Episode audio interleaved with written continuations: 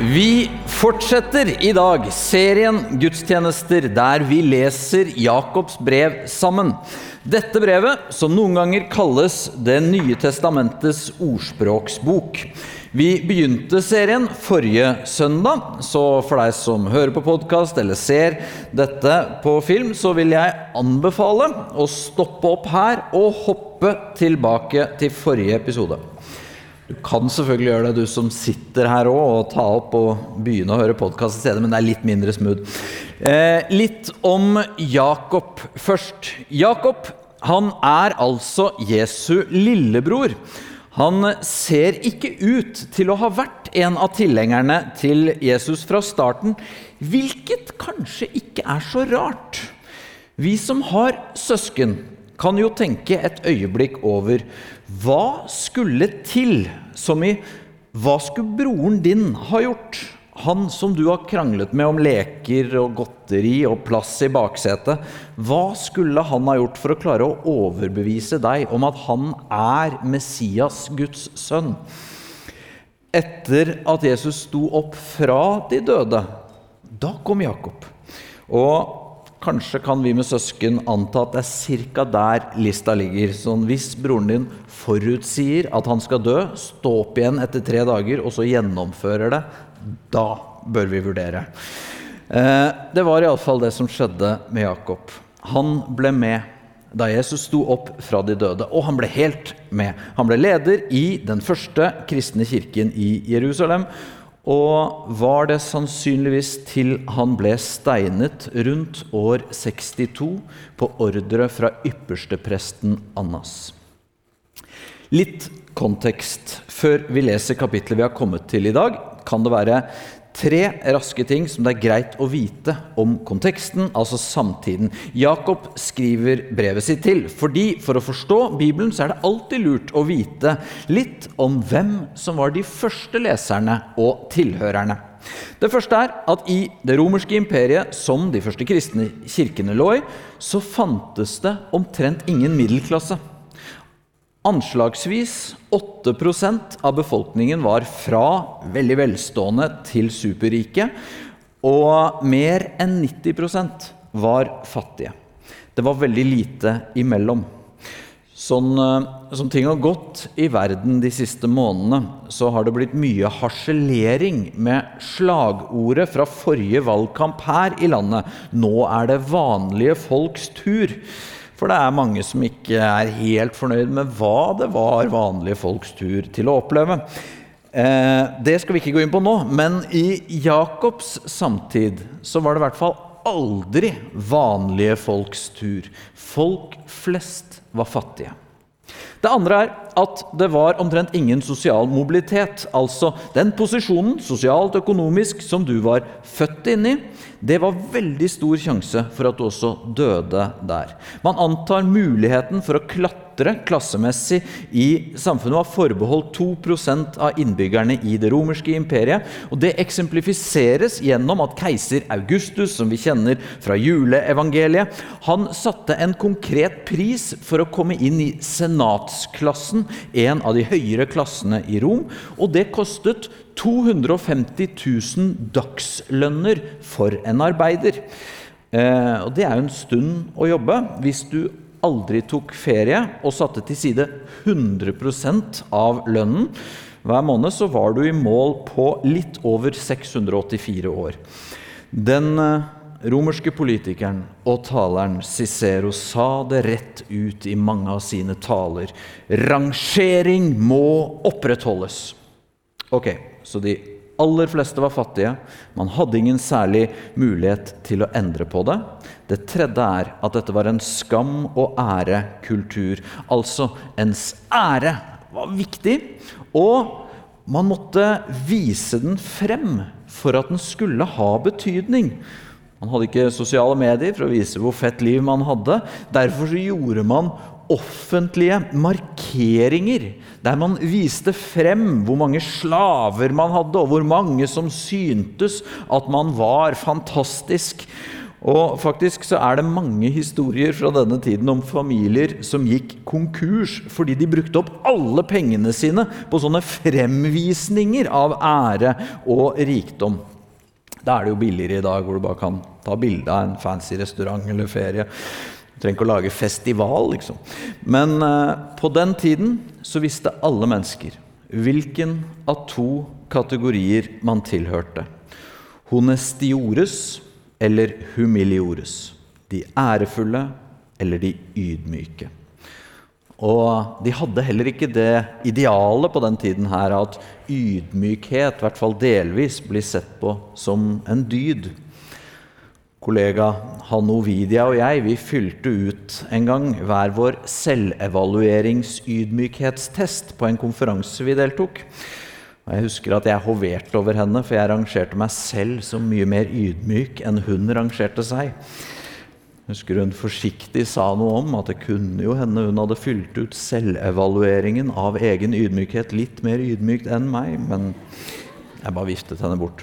Eh, altså, Jakob skriver til nye kristne i en tid der de fleste var fattige, det var ingen sosial mobilitet, og der ens egen ære var så viktig. La oss begynne da å lese teksten fra kapittel 2, vers 1. Mine søsken, dere kan ikke tro på vår Herre Jesus Kristus, herlighetens Herre. Da hører du at han har anerkjent hvem broren er. Og samtidig gjøre forskjell på folk. Sett at det kommer to menn inn i forsamlingen deres. Den ene i staselige klær med gullring på fingeren, den andre fattig i skitne klær. Så legger dere merke til han med de staselige klærne og sier, 'Vær så god, her er en god plass.' Men til den fattige, 'Du kan stå der', eller 'Sett deg her ved føttene mine'. Har dere ikke da skapt et skille blant dere? Er dere ikke blitt dommere med onde tanker? For oss er det vel ganske åpenbart at vi i hvert fall prøver å late som om vi ikke gjør forskjell på rike og fattige. På denne tiden var det noe selvsagt som alle forventet at man skulle gjøre. Men Jakob så akkurat det, å gjøre forskjell på rik og fattig, som et tegn på at du ikke har lært å leve og tenke kristent enda. De siste ordene vi leste i forrige kapittel forrige søndag, var en gudsdyrkelse som er ren og feilfri. For Gud, vår Far, er å be to timer hver morgen og aldri høre på musikk som ikke er skrevet av David André Østby. Nei, det var ikke det det sto. Det sto en gudsdyrkelse som er ren og feilfri for Gud, vår Far, er å hjelpe enker og foreldreløse barn i deres nød, og ikke la seg flekke til av verden. Å gjøre forskjell på folk etter status er å være flekket til av verden. Altså være preget av kulturen rundt, som vi, vi begynte med å si, fortalte at ens egen ære er det aller viktigste, og den opprettholder vi nettopp gjennom å vise at vi er bedre enn andre gjennom å gjøre forskjell. Vi fortsetter. Hør, mine kjære søsken.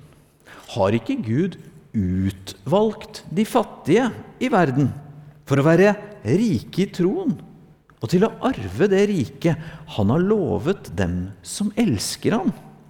Her viser Jakob at han er dypt preget av Jesu egen undervisning og liv. Jesus snakket om dette mange ganger, f.eks. gjengitt av Lukas her. Salige er dere fattige Guds rike er deres. Hva sier Jakob og Jesus? Er Gud mer glad i fattige enn andre? I en forstand nei. Gud elsker alle mennesker like mye. Men gjennom hele Bibelen er det synlig at Gud har et spesielt hjerte for de fattige. Hvorfor det? Det er et paradoks her. For mange av oss, når vi opplever noe vondt, så kan det gjøre oss sinte eller skuffet på Gud. Gud, hvordan kan du være god, og så la meg oppleve dette? Jeg har sett gjennom årene noe rart. Jeg ser sjelden fattige kristne reagere sånn. Mange kan reagere sånn med sinne mot Gud på vegne av de fattige. F.eks. var det mange intellektuelle i Sør-Amerika som ble sekulære i sympati med hvor vondt de fattige hadde det. Og de syntes at kirken og teologien ikke i stor nok grad var på de fattige side. Så i sympati forlot mange intellektuelle kirken og troen. Men de fattige selv, de valgte kirken. Og det er knapt noe sted i verden hvor det er flere aktive i kirker enn blant fattige i Sør-Amerika. Også her i Oslo kan vi se dette hver søndag, at det er mange av de fattige tilreisende og flyktningene som tilber Gud på søndagene, og som synger halleluja, mens mange av de som sitter på komfortable kontorer og skal hjelpe dem, ikke tror. Og kanskje er det dette paradokset som Jakob viser til. Paulus skrev noe som kan høres rart ut. Men det som i verdens øyne er dårskap, det utvalgte Gud for å gjøre de vise til skamme. Og det som i verdens øyne er svakt, det utvalgte Gud for å gjøre det sterke til skamme. Gud er selvfølgelig ikke mer glad i noen mennesker fremfor andre, men det er en type tro som Gud ser ut til å like ekstra godt, som kanskje kommer lettere for fattige. For Jakob fortsetter. Men eh, dere har foraktet den fattige. Er det ikke de rike som undertrykker dere, drar dere fram for retten? Er det ikke de som spotter det gode navnet som er nevnt over dere? Hvorfor beundrer dere de rike? spør Jakob. De rike har så lett for å stole på seg selv, på vår egen styrke, og tenker vi vet bedre enn andre. Jeg har en datter som har gjort en helt utrolig urettferdig observasjon. Hun påstår på ramme alvor at en del menn, særlig fra alderen til faren hennes, inkludert faren hennes, virker som de mer og mer skrur av lytteevnen, men samtidig troen på andres interesse for å høre på oss øker. Det er en veldig frekk observasjon som jeg har tenkt å gi en lang forklaring på hvorfor ikke stemmer. Men eh, tvert imot. Det å lytte grundig og godt, det er en av de primære egenskapene i Guds rike, sier bl.a. forfatter Tim Keller. Og dynamikken er kanskje som følger. De fattige på Jakobs tid, og kanskje fortsatt, er ikke så vant til å komme ovenfra og ned. Derfor er de ofte også mer lyttende til Gud. De rike lytter kanskje mindre. Fordi vi så ofte tror at vi vet alt, og vi er jo så vellykkede. Jakob sier altså at Gud heier på, har utvalgt de fattige. La oss lese videre. Dersom dere oppfyller den kongelige lov i Skriften. Du skal elske de neste som deg selv. Da gjør dere rett. Den første kirken i Jerusalem som Jakob ledet, den besto i hovedsak av jødekristne. Og de kjente jo loven, Toraen, som for oss i dag er en del av Det gamle testamentet, godt. Og de visste at der sto det Du skal ikke ta hevn, ikke være nag til landsmennene dine, men du skal elske de neste som deg selv. Og det var jo et logisk og fornuftig prinsipp. Vår neste, familien vår, naboene, landsmennene våre. Vi trenger ikke å blande inn de som er lenger bort enn det. Geografisk, kulturelt, verdimessig. Eller? Jo, det var nettopp en utvidelse av begrepet 'vår neste' fra lovens definisjon, som Jesus gjorde den dagen han fortalte den sjokkerende historien. Han fortalte jo om den respektable borgeren som lå ranet i en grøftekant, og som ble hjulpet av en foraktelig samaritaner. En som ingen av Jesu tilhørere likte. Og Jesus fortalte til og med historien så smart at det var jo ikke engang den respektable borgeren som i sin veldedighet liksom strakk seg ned og hjalp samaritaneren. Det var motsatt. Det var samaritaneren, han som var på utsiden, som i sin godhet inkluderte den respektable borgeren som sin neste. Og så sa Jesus det er sånn vi skal tenke. Vi skal ikke gjøre forskjell på folk. Så Jakobs skriver altså Dersom dere oppfyller den kongelige lov i Skriften, du skal elske de neste som deg selv, da gjør dere rett. Men gjør dere forskjell på folk, da synder dere, og loven anklager dere som lovbrytere. Vi må fortsatt holde på denne utvidede vår neste-sirkelen som Jesus lærte oss. Jakob fortsetter. For den som holder hele loven, men snubler i ett av budene, har gjort seg skyldig i å bryte dem alle. For han som sa 'du skal ikke bryte ekteskapet', han sa også 'du skal ikke slå i hjel'. Om du ikke bryter ekteskapet, men slår i hjel, da er du en lovbryter. Etter frihetens lov skal dere dømmes. Etter den skal dere tale og handle, for dommen skal være ubarmhjertig mot dem, den som ikke har vist barmhjertighet, men barmhjertigheten triumferer over dommen. Ved første øyekast så kan Jakob virke ganske streng. Det er ikke uten grunn at han i den kristne tradisjonen ofte omtales som Jakob den rettferdige. Men leser vi nøyere, og lytter vi nøyere, så trer et annet bilde også frem. For Jakob han skriver til mennesker som altså allerede er kristne. Du som ikke vet helt, du får høre det vi sier i dag som innspill. Du får velge hva du vil gjøre med. Men leser vi hele dette brevet, som vi gjør disse ukene, så blir det jo klart at Jakob han løfter standarder som menneskelig sett det er helt umulig å lese og føle at ja, dette fikser jeg greit. Jeg gjør ikke forskjell på folk, jeg. og sette meg på en høy hest eller et kommentarfelt og si at det er bare alle andre som må bli like bra som meg. Så hvorfor gjør Jakob dette? Han vil vise oss hvordan et kristent sinn formes.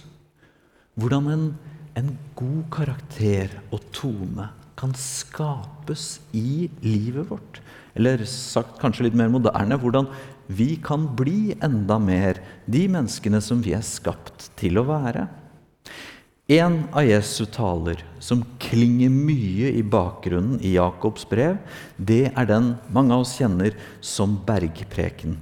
Og Jesus begynner den talen også med å løfte frem de fattige, med et spesielt tillegg. Han sier 'salige er', 'lykkelige er', betyr det, de som er fattige i ånden for himmelriket er deres. Jeg tror at her ligger en nøkkel for å forstå Jakobs brev, og enda mer hele livet selv. Dette er grunnen til at jeg tror ikke jeg kunne holdt denne talen her for en del år siden. Å bli fattig i ånden. Min sjels største fiender. Det er når jeg blir motsatt av fattig i ånden når jeg blir stolt. I møte med Guds veiledning til oss, som her i Jakobs brev, så vil stoltheten min, kanskje din også, sleip som den er, lete etter en eller annen utvei. Og da har vi to alternativer. Enten kan stoltheten bli religiøst selvgod, eller selvrettferdig. Hvis stoltheten min blir religiøst selvgod, så begynner den å tenke sånn her. Skal jeg være helt ærlig, sånn mellom meg og meg i hvert fall, så er jeg egentlig bedre enn de fleste.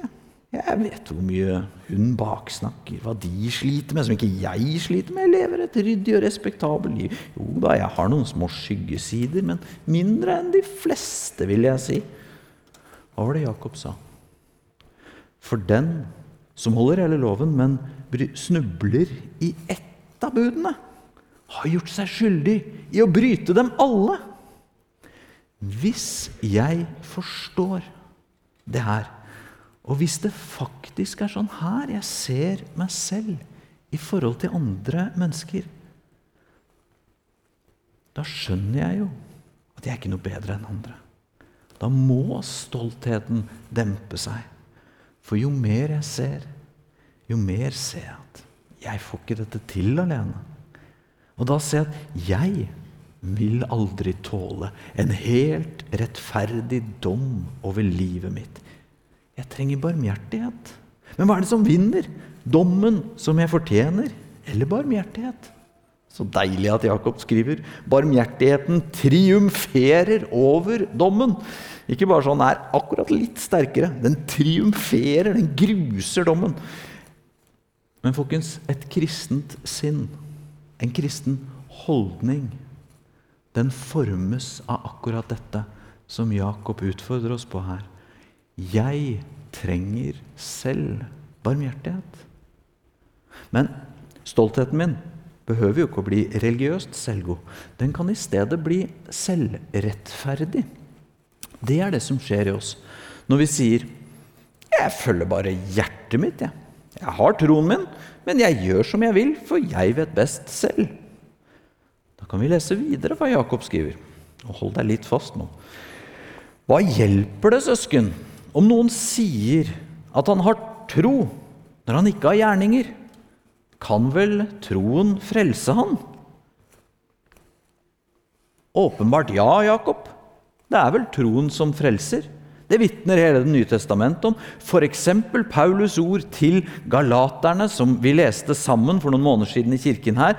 Men vi vet at ikke noe menneske blir rettferdig for Gud ved gjerninger som loven krever, bare ved troen på Jesus Kristus. Men hva mener du da, Jakob? Jo, Jakob fortsetter. Sett at en bror eller søster ikke har klær, mangler mat for dagen, og en av dere sier, 'Gå i fred, hold dere varme, spis dere mette'. Høres ut som sånn jeg kunne sagt her fra. Hva hjelper det dersom dere ikke gir dem det kroppen trenger? Slik er det også med troen. I seg selv, uten gjerninger, er den død. Dette her det er mer motkulturelt for oss enn det var på Jakobs samtid. For i vår tid så lager vi oss ofte dette skillet mellom det vi sier vi mener eller tror på den ene siden, og det vi gjør på den andre siden. Vi mener det er viktig å ta oss av fattige og ensomme, men på det praktiske Det er jo liksom noe annet. Noe andre som årene.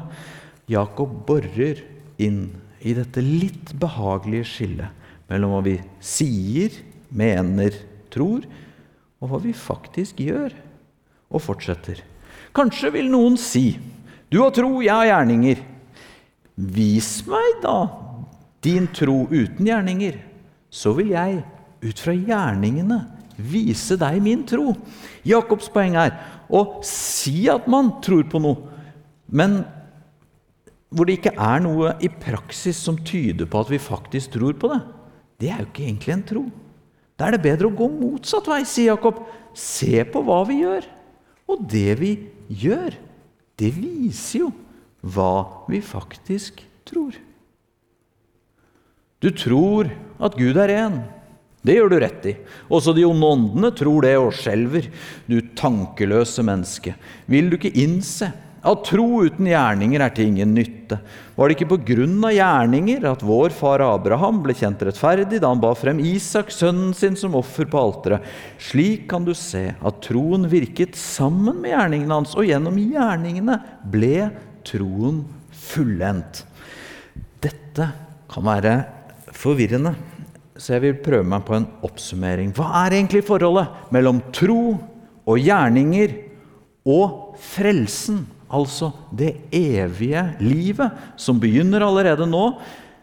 Kjernen i kristen tro, det som kalles de gode nyhetene, eller på gresk evangelium. Jo, kanskje kan vi sette det opp sånn her. De fleste religioner, egentlig verdensanskuelser i det hele tatt, også sekulære, vil si gjerninger fører til frelse. Det du gjør, det skaper hvordan det går med deg. Vi kvalifiserer oss til Gud det evige gjennom det vi får til å gjøre. Så er det et uklart evangelium som sier gjerninger pluss tro fører til frelse. Det her var det kirkene hadde begynt å surre med da Paulus måtte rydde opp i Galaterbrevet, som vi siterte, eller som Martin Luther måtte ta et oppgjør med i reformasjonen, når man sa at troen rakk ett stykke, og så måtte vi kvalifisere oss med gode gjerninger i tillegg. Det neste er det vi kan kalle et forkortet evangelium. Tro fører til frelse, men forandrer ingenting. Det er sant at det ikke er troen som prestasjon, men troens objekt. Vi sang akkurat 'Jeg står fast på troens trygge grunn'. Det vi tror på, ikke prestasjonen tro. Det er nemlig Jesus Kristus som frelser oss. Men dersom vi stopper der, så vil Jakob pirke litt i oss og minne oss om at det skjer jo noe etterpå. Evangeliet, frelsen, kommer til å få en effekt i livet vårt. Det vil virke, og det vil skape noe vakkert å vite at jeg er elsket av Gud, ufortjent. Det kommer til å skape noe godt i oss. Derfor kan vi si at et modent evangelium er tro, fører til frelse alene. Og ved Guds nåde virker frelsen til gode gjerninger. Jakob utfordrer oss altså til å våge å spørre oss selv hvilken tro vitner disse gjerningene, dette livet, om? Og det ransakende poenget er jo da at gjerningene viser hvilken tro vi faktisk bærer. Eller som Jakob skriver videre Dermed ble dette skriftordet oppfylt. Abraham trodde Gud, og derfor regnet Gud ham som rettferdig, og han ble kalt Guds venn. Abraham han levde og viste i livet at troen var en integrert del i han, og det han trodde, det fikk prege livet, selv om han selvfølgelig, også når vi leser historien, gjorde mange feil, som du og jeg. Hvis du ikke syns at det vi har lest nå, utfordrer deg, så vet jeg ikke hva vi kan gjøre. Men håpet må være at dette ikke får oss til å miste motet. For det er absolutt ikke det Jakob ønsket. Men hvis vi leser disse ordene godt og grundig og med et mykt hjerte, så vil vårt sinn endre seg, så vi ikke blir religiøst selvgode eller selvrettferdige, men husker at Jakob skrev har ikke Gud utvalgt de fattige i verden til å være rike i troen? Kan vi finne fred? i akkurat dette? Og kan det bli en smak av våre liv? 18.2.1546 så døde nevnte Martin Luther. Og da han døde, så hadde, lå han med hånden i lomma. Eh, og da de tok ut den hånden etter han var død, så lå det en lapp i lomma. Og der hadde den store tenkeren, filosofen, forfatteren som preget Europa mer enn kanskje noen de siste 500 årene, skrevet to korte setninger. Vi er alle tiggere. Det er sant. Jakobs brev leder oss til en sånn innsikt. Det kan skape en rik tro i oss skal vi be sammen. Far himmelen, tusen takk for at du har bevart for oss denne veiledningen fra Jakob helt tilbake i urkirken. Eh, og nå ber vi om at eh, vi må få dette myke sinnet, få innse at du har utvalgt de fattige, og at eh, vi får formes av deg, eh, sånn at vi får et mykt sinn. Vi sier 'Kom, Hellige Ånd', og gi oss av din nåde, og led oss inn i gode gjerninger som du på forhånd legger foran oss, som vi får leve i. Tusen takk for at du har kalt oss til dette. At du av nåde ved tro alene har frelst oss, og at den frelsen får gi oss ved din nåde å leve til ære for deg. Og vi ber om å formes i det. I ditt veldig sterke navn, Jesus Kristus. Amen. Du har nå hørt en podkast fra Filadelfia-kirken i Oslo. Vil du vite mer om oss, gå inn på filadelfia.no. Og ikke minst velkommen til å feire gudstjenester med oss hver eneste søndag, enten fysisk eller online.